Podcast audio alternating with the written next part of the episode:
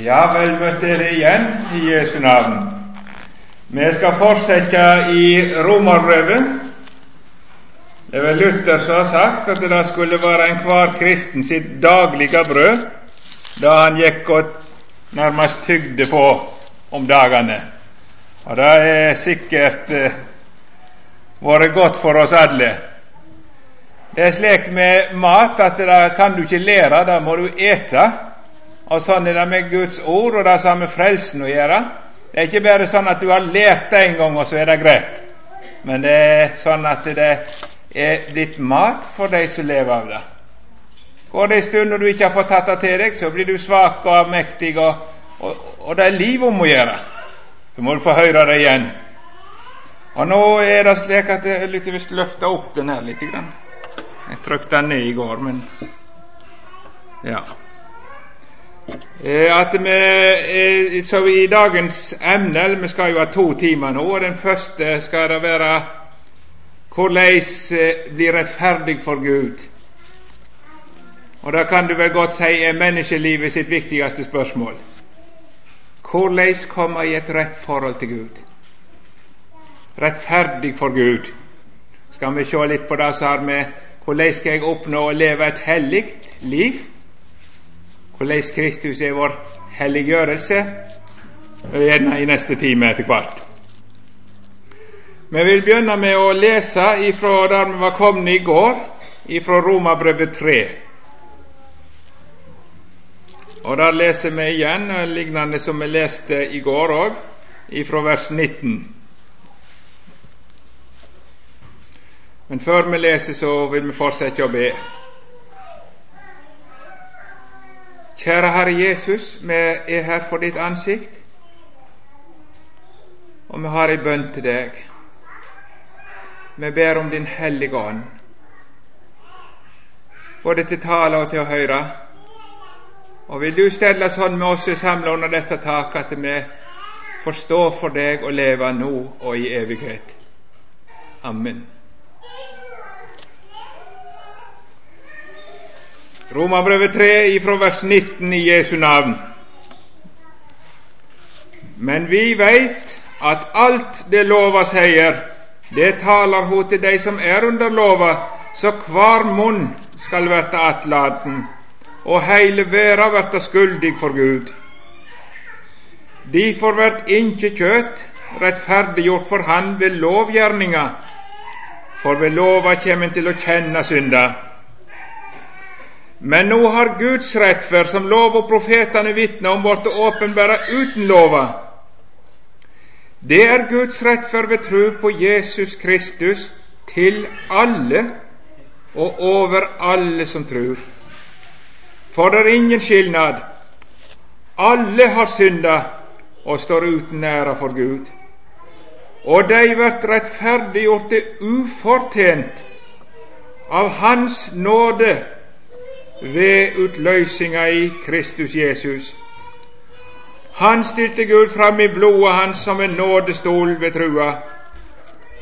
For å syne fram si rettferd, siden han i sitt langmod hadde båret over med de syndene som før var gjorde.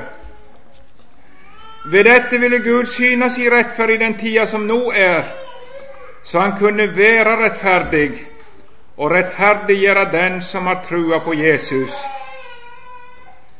Hva er så vår ros? Den er utestengt. Etter hva lov? Gjerningslova? Nei, etter lov om trua.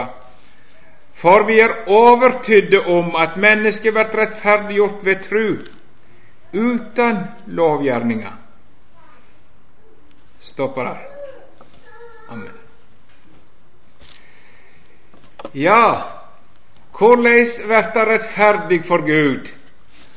Og nå er det jo slik at det viktigste i et menneskeliv, som en sa, det er ikke hvordan livet er, men hvordan det ender. Et menneske Det heter i en gammel sang at det fikk til hvert et ønske du, bare ja til svar, men i himmelen intet rom, tenk hvor arm du er. Fikk til hvert et ønske du, bare ja til svar, men i himmelen intet rom. Tenk hvor arm du var. Og nå vet vi da at eh, Vi pleier å si da at vi vet ikke noe om framtida, men det er ikke så aldeles sant. Du vet én ting, og det trenger du ikke tvile på. En dag skal alle mennesker stå for den levende Gud. Og han skal dømme dem. Og da skal det lyde enten rettferdig eller skyldig. Og så skal de skyldige bli vist bort til evig straff, og de rettferdige til evig liv. Da veit du, og det må du aldri glemme. Og tenk en gang det stevnemøtet store, når vi hverandre skal se hverandre med porten. Vi som på jorda her i laga våre, hvem skal gå inn, og hvem skal utestå, heter det i en sang. Og Det er det som er det store spørsmålet. Hva vil Gud i himmelen si om meg?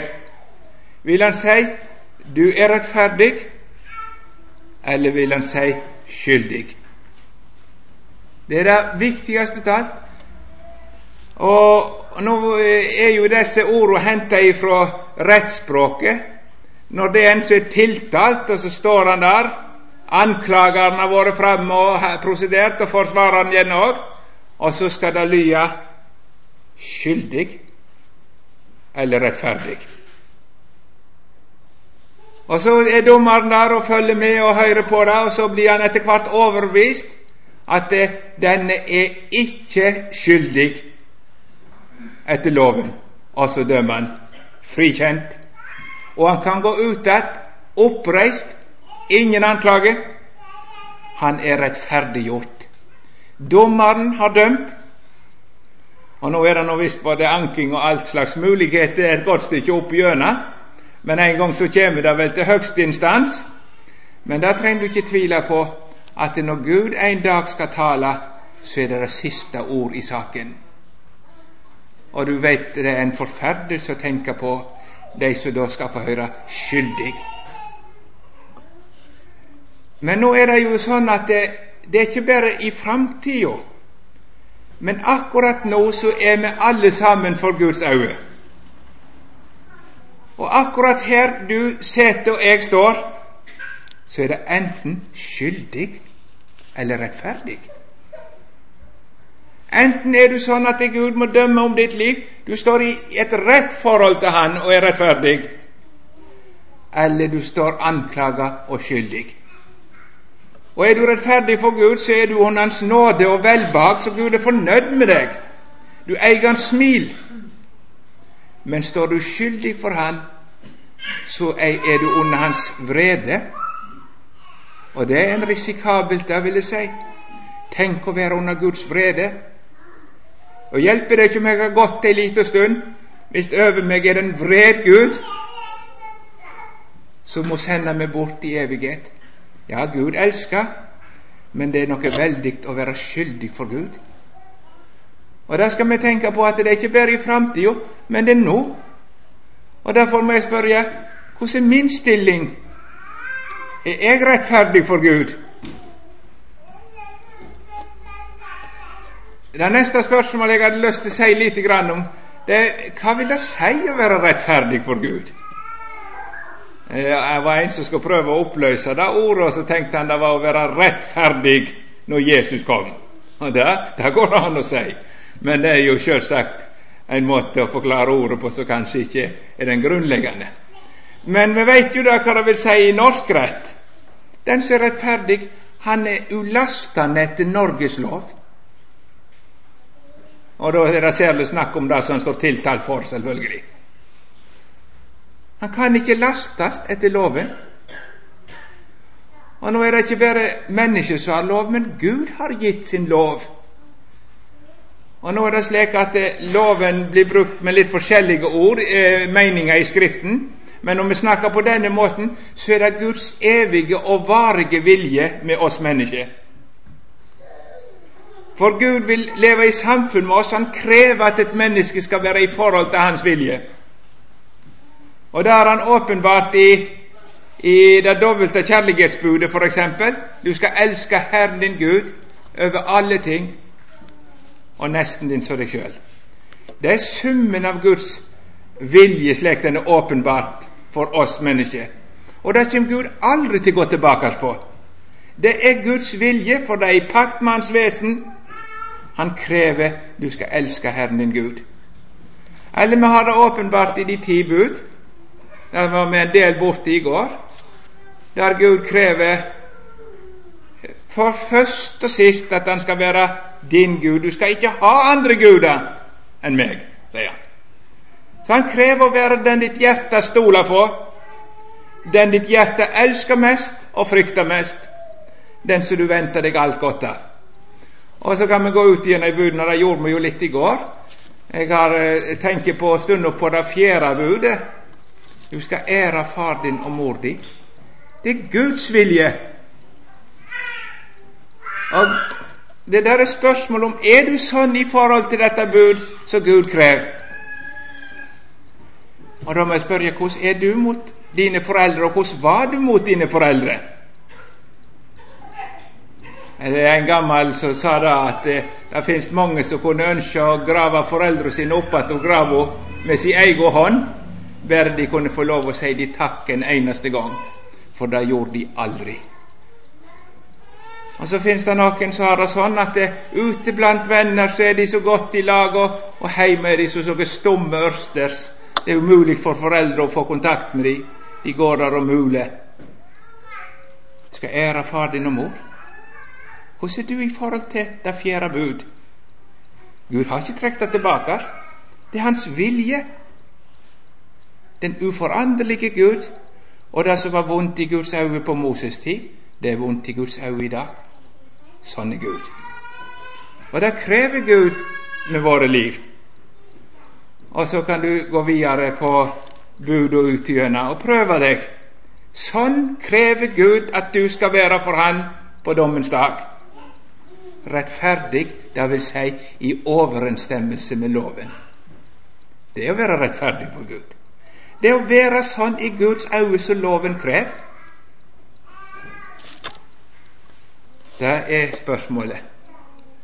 Hvordan skal jeg bli rettferdig for Gud? Og det aner jo folk at Gud har krav til meg. Og Derfor er det mange som prøver å glemme det. Og sånn som Adam allerede. Han gjemte seg for Gud, for han var redd. For han ante da at det var ikke skikkelig med han. Han hadde synda. Og Det blir ofte sagt at mennesket er på leit etter Gud i dag. Og Da var det en som sa at de, leter ikke mer etter Gud enn eleven som skulka leter etter læreren. Har dårlig samvittighet og gjemmer seg, for en aner det ikke rett. Og når et menneske begynner å søke Gud, så er det fordi Gud har fått tak i dem og begynt å søke dem. Sånn er det. Og noen de tenker på å få rett med Gud med å, bortforklare og unnskylde sine synder. Det er jo vanlig. Og om en ikke klarer å eh, skjule dem for Gud, så prøver en å bruke finere navn, og så kaller en syndene med noen andre navn. Så Gjerrighet har jeg hørt noen omskrive til sparsom, og da blir det jo en dyd. Og Sånn kan en drive på og prøve å ville skjule sine synder. Men det er bare det at det, det, duger ikke for Gud. Om du kan klare det ganske godt for mennesket, så ser Gud tvers gjennom alt sånt og til det innerste. Og så er spørsmålet hvordan skal jeg komme i en stilling så jeg kan se opp og vite han er fornøyd med meg? Skulle ønske det kunne bli sånn på dette møtet at det kunne gå ut at noen med en bevissthet i sitt hjerte så Gud gitt Jeg veit jeg eier hans smil i dag. Jeg har en der oppe som er fornøyd med meg. Ja, og nå så har jo Gud vært så god at Han har åpenbart hvordan vi skal være i sin lov. Men nå er det da at det, Loven den blir ikke til hjelp, for den kan vise hvordan du skal være. Men han kan ikke hjelpe deg til å bli slik. Han anklager deg. Og da veit du som har hatt med Guds lov å gjøre, at han blir ikke fornøyd. Eh, nå er det slik at vi kan gjøre lovgjerninger, og da tenkte jeg jeg skulle nevne litt om, for det står at du blir ikke rettferdig ved lovgjerninger. Guds ord nekter ikke at et menneske kan gjøre lovgjerninger, og det har mange av dere gjort. Det veit hva Guds lov sier. Du skal ikke, og du skal. Og så prøver du å gjøre den handlingen. Og mange de klarer seg så bra. Jeg hadde hørt om denne rike unge mannen som sa 'Alt dette har jeg holdt siden jeg var ung'. Han var mest av moro og helst på han. Alt dette har jeg holdt siden jeg var ung. Han hadde levd et fint liv. Og om apostelen han sier ingen, at han, han hadde holdt alt. Eh, Filippa-brevet, sier han. Paulus når han var fariseer. De kunne ikke finne noe liksom han hadde svikta. Han hadde anstrengt seg og holdt Guds bud. Og det er jo godt menneskelig talt. Det er jo svare seg i denne verden på mange måter å holde Guds bud. Du kan være for sikker på at det bryter en Guds bud, så får en betale i dette livet òg. Det følger en velsignelse med å holde budene. Men om du lever etter Guds bud fordi Gud krever, så blir du ikke rettferdig for Gud ved lovgjerninga. For Gud ser djupere. Han spør ikke bare om du har gjort gjerningen, men han spør opp hvorfor gjorde du det? Hvorfor holdt du budene? Var det fordi du elska Herren din Gud og gjorde det av hjertens lyst, eller gjorde du det fordi du ville bli rettferdig?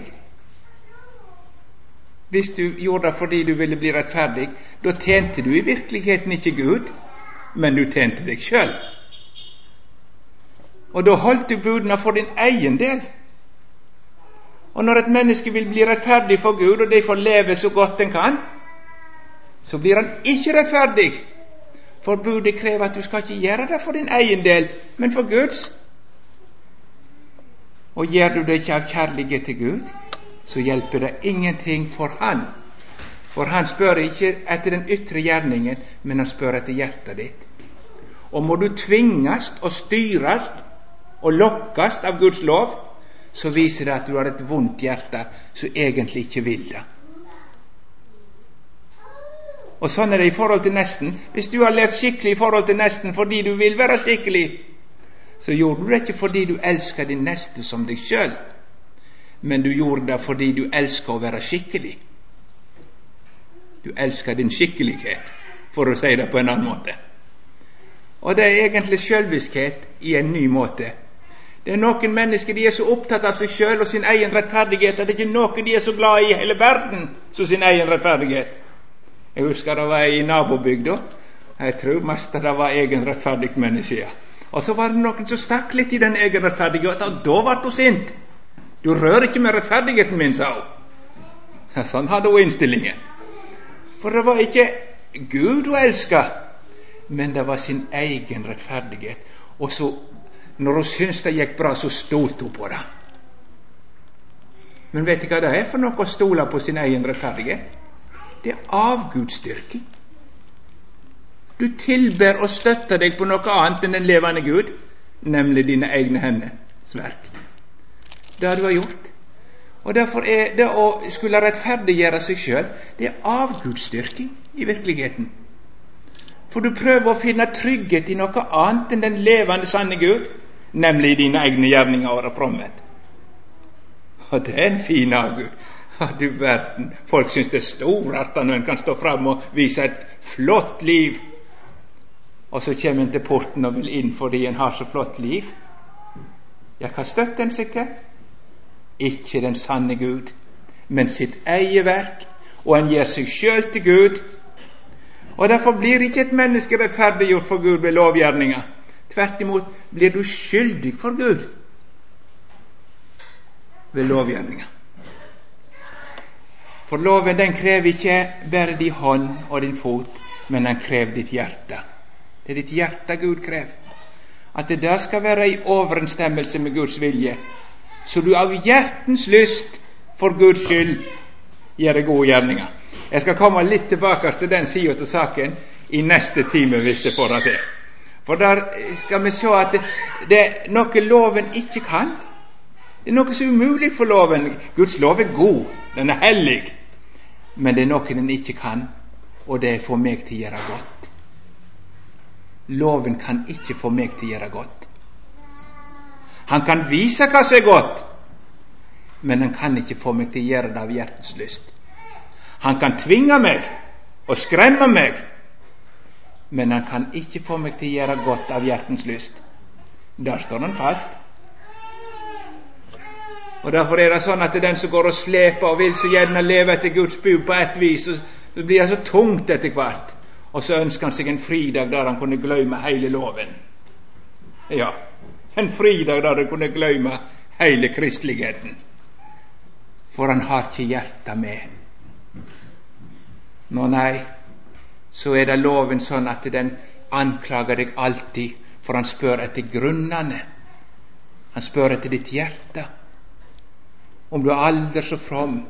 Og så tenker jeg på sånne egenfromme, da, for å være i dette der. Tenk på han som stod utenfor når den bortkomne sønnen kom hjem, ut på marka. Jeg har tjent deg i alle år, aldri gjort imot ditt ord. Og så elsker han verken faren eller broren.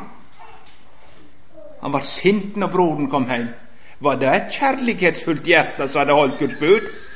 Nei, det var en lovbryter på groveste vis. Han fryda seg ikke over den som ble berga, men han var sur fordi han syntes han hadde gjort det bedre. Ja.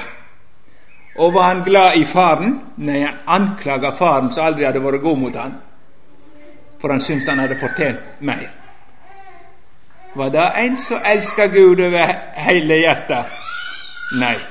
Men det er bare det så langt loven kan drive det. Han kan drive deg til å være from i det ytre, men han kan ikke drive deg til å elske Gud. Og derfor kommer han til å anklage deg i bunn og grunn et anklageskrift. Og nå vet vi jo da at på den store dagen så skal bøker åpnes, og så skal de døde bli dømt etter det som står skrevet i bøkene, står det.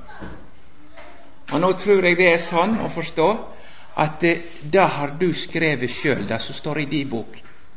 Du skriver hver dag med ditt liv.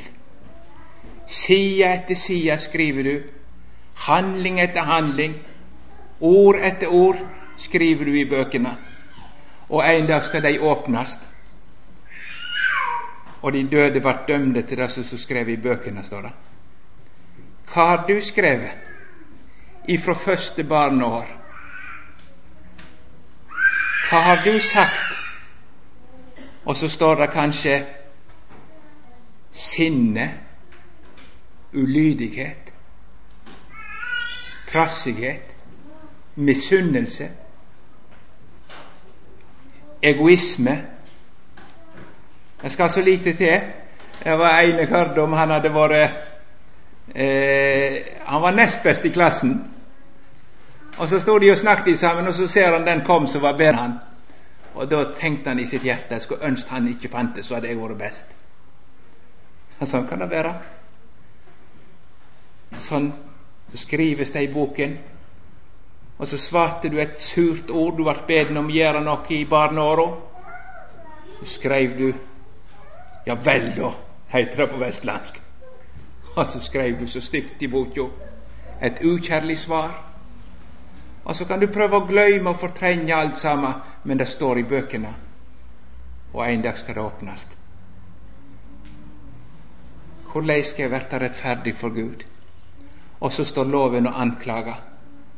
Og når du leser den boka, så må du til slutt si jeg er visst skyldig i alt.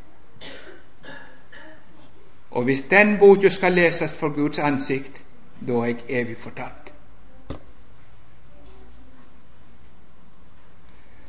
Men nå var ikke det dette som var emnet, egentlig, men det var hvordan jeg skulle bli rettferdig for Gud, ikke hvordan jeg skulle bli skyldig. For det loven kan hjelpe deg til, det er nemlig å bli skyldig og det skal han. Og det er godt når et menneske blir skyldig for Gud i nådetida. Og det er godt fordi Gud har ei gave til dere. Og så kommer det dette store ord. Men nå er Guds rettferdighet åpenbara. Den rettferdighet som gjør at du er fullkommen for Gud, den blir nå åpenbara. Du skal få se at Gud har en gave til deg. Det å få det rett med Gud det er ikke noe et menneske gjør. men det er noe han får. Høyre. Det å komme i den stilling at Gud er fornøyd med deg, at du står for Han er rettferdig, det er gava. Du får rettferdighet. Guds rettferdighet er åpenbar og ferdig for alle sammen og skal deles ut ved evangeliet, så du skal få sitte på stolen og få ta imot et ferdig verk. Alt Gud krever. Den som gjelder for Gud, den, gjør at han er fornøyd med meg i ett og alt. Det får jeg gjennom evangeliet. Og det blir åpenbara i evangeliet. Åpenbara er et viktig ord, for det er i grunnen det som er frelsens hemmelighet, at Gud får dra dekket til sides, så du ser hemmeligheten. Åpenbare. Det er noe som er ferdig, men de fleste ser det ikke. Og så strever de på og skal få det i orden, og så strever de på å redde Gud. For de har ikke sett mesterverket. Gud har nemlig sjøl ordna det for oss, og han gjorde det skikkelig. Han veit hva som trengs på dommens dag, folk. Og så har han ordna det. Guds rettferdighet, det holder seg, du. Er åpenbare evangeliet uten lov, står det. Ikke en eneste ting som kreves i evangeliet. Det er ikke et dun du skal løfte. Ikke en hellig tanke du skal tenke av deg sjøl. Ikke noen ting. Det er bare at Gud forkynner deg hva Han har ordna for deg. Han har sjøl gjort det i sin elskede sønn. Guds rettferdighet. Og nå skulle ønske det kunne sjå. For det Gud gjorde når Han skulle redde oss, det var at Han tok og sette et kryss over oss, og så sette Han til sides. Kan ikke bruke deg. Du er diskvalifisert. Og så setter Han Jesus i stedet. Gå du, Jesus, og gjør deg i deres stad. Fri de fra vreden og dommen, og oppfyll alle Guds bud og kjøp de tilbake til meg. Ordna du. Og så måtte Jesus, Guds sønn, bli menneske. Og så begynte han der jeg begynte, sett i mors liv. Og så var det en rein fødsel. En som ikke hadde del i syndefallet, for han var i min stad og skulle ordne opp. Og så går det en ungdom i Nasaret som aldri synda. Og så skal du si 'det var meg', for han var i min stad. Han var sett til å gjøre mitt. Det er evangeliet. Og så skal du få lov å bli frelst ved en annen sitt verk. Og så står det om Jesus at han ble prøvd i alt. Da Og når Guds ord sier det, så er det ikke mangel. Han var prøvd i alt uten synd. Men så var det ikke nok med det, for synd var det nok av, for det hadde vi gjort. Så tar han synden på seg. Og så blir Jesus gjort til synd for oss. Han blir løgner, og han får boken sin skreven full av det jeg hadde sagt og gjort, og det du hadde sagt og gjort. Dine tanker, dine forsømmelser. Alt sammen ble Jesus sitt. Og han blir eneansvarlig for alt sammen. Og så blir han dømt til døden. Forbanna død på korset. Da var han skyldig for Gud. Med fremmed skyld, nemlig min. Og hvor kunne du elske oss sånn, Jesus, at du ville ta det på deg? At du vil være horkar for horkarene, og morder for morderne, og avgudsdyrker for avgudsdyrkerne, og egenrettferdig for de egenrettferdige, og så står der som den ene skyldige. Men han gjorde det. Han gjorde det. Og så blir straffa lagt på han, så vi skulle ha fred alt sammen. Og så stryker han post for post med sitt blod. inntil det ikke står noe igjen som ikke er gjort opp. Tavla er rein. Men ikke nok med det, men det står innskrevet masse gode gjerninger. Kjærlighet, lydighet, renhet, hellighet. Alt står innskrevet, for han hadde gjort det. Altså er det et ferdig verk. Det er fullført. Jeg var i, på påskemøte i år, eller like før påske, og da talte jeg over Jesus sine sju ord på korset. Sju ganger taler han på korset. Og det er så gildt og oppbyggelig å tale om. Eh, jeg må si det. Eh, det gjorde hjertet mitt godt, iallfall. Det at det er like så godt for predikanten som for noen andre, tror jeg. Og det ene som gjorde aller best for meg, det var å, å få stoppa for det er fullført.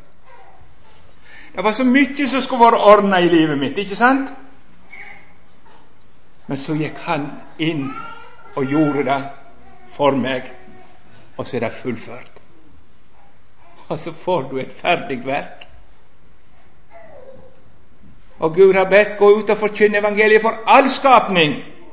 Så det er ikke én her inne som skal si det gjelder ikke meg, for det gjelder deg. Han har gjort det for deg. Han har oppfylt og ordna for deg. Og så bys du dette som ditt gudsforhold. Dette skal du få møte Gud med, som du hadde gjort og vært det alt sammen. Hører det gledesbudet? Det som var umulig for loven, står det, det skal vi lese sikkert i neste time, det gjorde Gud. Ja. Så gjorde han det sånn at det, Guds lov er fornøyd. Har ikke noe å tilføye. Ikke noe å anklage. Er fullkomment. Og så rekker Gud det til deg.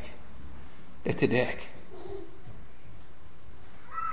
Hva du enn har gjort. Om du ikke syns du får være så mjuk som du skulle når du sitter og hører det.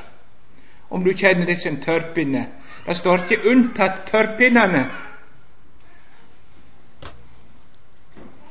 Det står ikke unntatt de som sitter full i stygge tanker heller. Bare vær den du er, du, og hør hva Gud sier til deg. Ei rettferd til alle.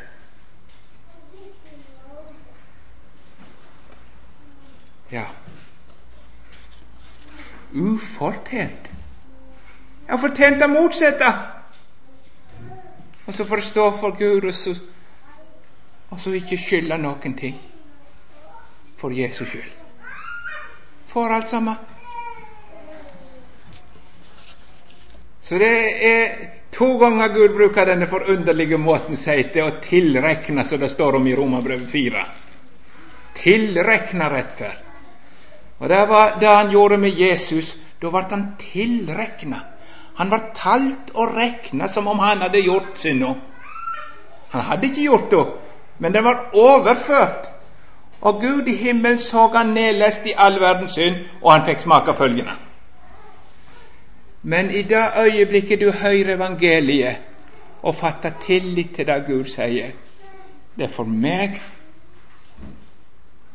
så tilrekner Gud deg alt det Jesus har gjort, som om du er og har alt Jesus har.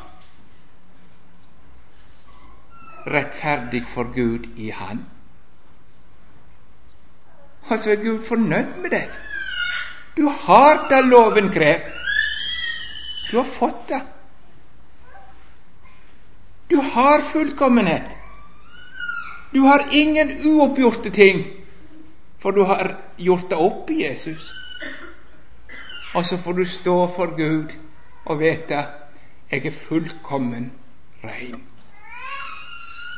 Og det er stort å leve da, folk. Den strengeste på jord dom på jord eller ingenting teller. For den strengeste dom som finnes, det er jo Guds dom. Og Gud i, i himmelriket, han er fornøyd. Han er helt fornøyd i Jesus. Det er Guds rettferdighet. Han har sjøl ordna det. Og han viste at han var fornøyd når han reiste Jesus opp av grava. Da viste han det er nok. Jeg er fornøyd. Og så skal du få være under det samme i Jesus. Og så kan du tenke at Jesus flytter like opp for Gud og sitter ved hans høyre hånd. Og så sitter Gud og fryder seg og ser deg i Jesus med sin høyre hånd. Fullkommen rein. Skylder ingenting. Jeg har fått det.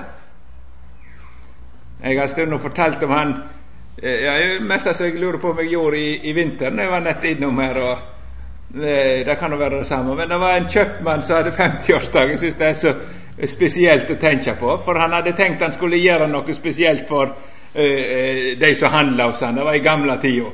Og der var det jo slik at uh, de fleste de skrev i boka, så betalte de en gang i måneden. Og Nå var det visst sånn at han hadde dag i slutten på måneden, så det var nå mange som hadde ikke så lite. Tenkte han han skulle gjøre litt spesielt for å lage litt oppmerksomhet. Så den første som kom i butikken, han skulle få uh, uh, alt sammen. Han skulle få det betalt, skulle slippe å betale. Og Så sitter de med frokostbordet, og så ser mora hans som stelte for han utover sjøen, og så sier hun det er ikke billig å bli 50 år. Hun hadde lagt merke til hvem som kom til å komme først. For ute på fjorden der kom det en båt roende, og der var fisker Anders. Han hadde ikke betalt på mange måneder. Ikke billig å bli 50 år. Ja, ja. Ja, omsider han kommer seg ned i butikken, og der kommer Anders inn døra. Ser ikke opp engang, for han vet han burde betalt for lenge siden, og regner med at nå kommer snart til å få siste kroken på døra.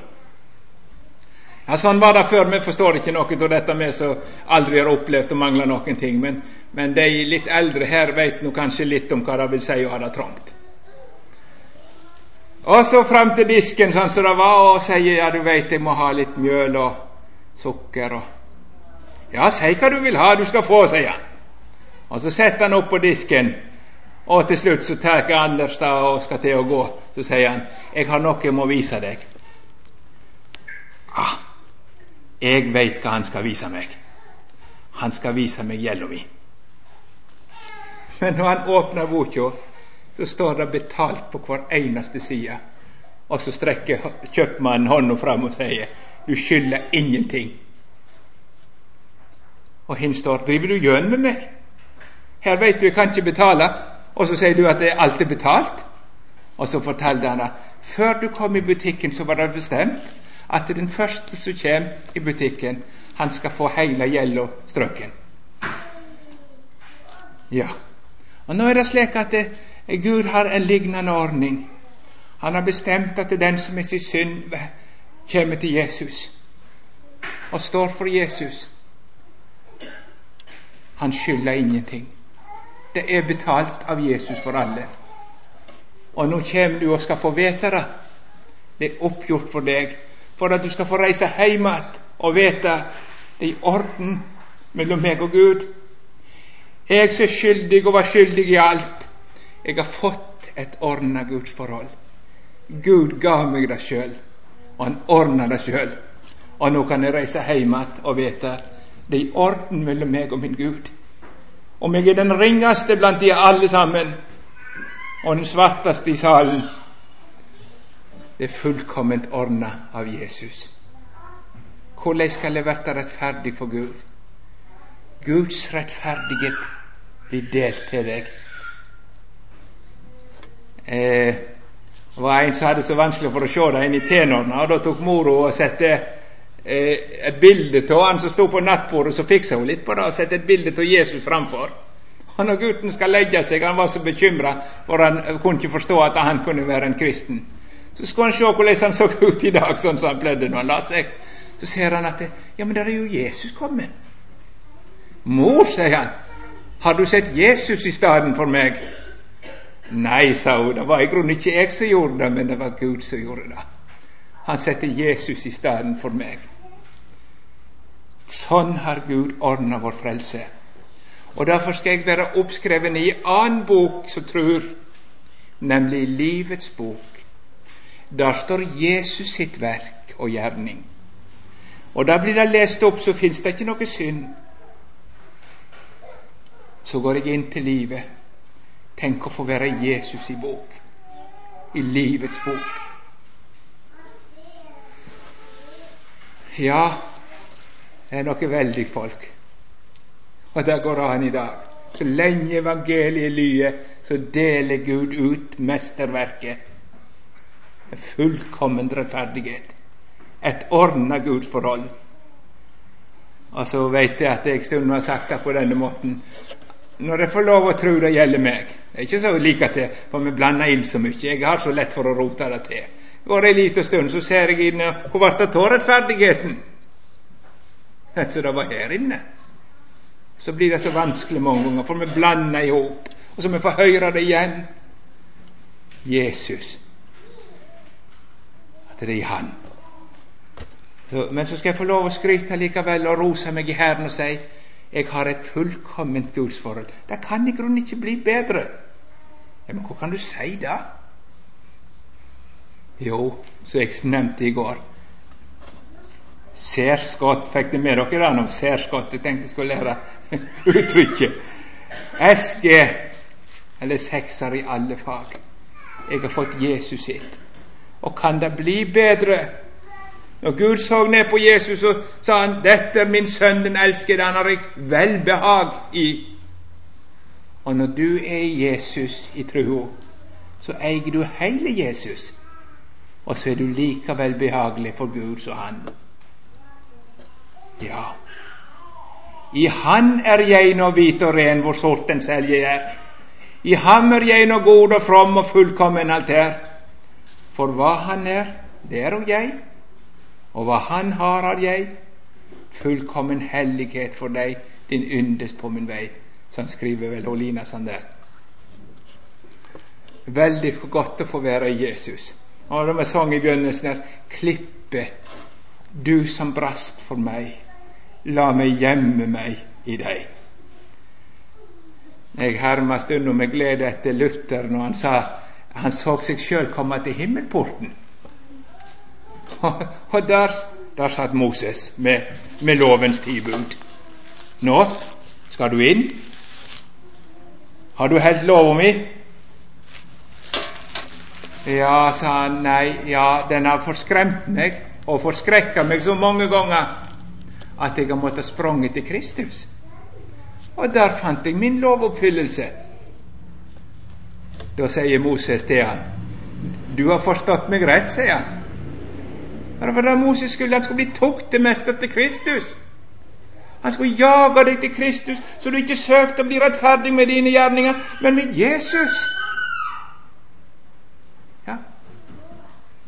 Og så sier eh, Moses til Luther Ja, dette er tenkt, altså. Det må være det han hans troffe han, kunne jeg tro. Og så sa han og mellom oss sagt er kommet inn på samme måten. Så Moses hadde det på samme vis. Det var han som skulle komme Israels trøst. Han som skulle ordne opp i synderes og få dobbelt igjen for alle misgjerninger, som skal ropes til Israels trøst. Trøsta mitt folk. Tala mildt til Jerusalem, og rop til henne at striden er enda og betalt. Bare Herrens hånd fått dobbelt for alle dine synder. Og så skal du tenke på ditt, de tavla. Der sto det innskrevet så mye greier. Jeg ramsa litt opp i stad, men du kan tenke på hva du skrevet på tavla di. Og så skal du tenke at svampen tar vekk alt sammen. Men ikke nok med det. Det skrives inn det Jesus har gjort, så tavla blir så fullkommen og fin. Det mangler ingenting. Det er rettferdiggjørelsen.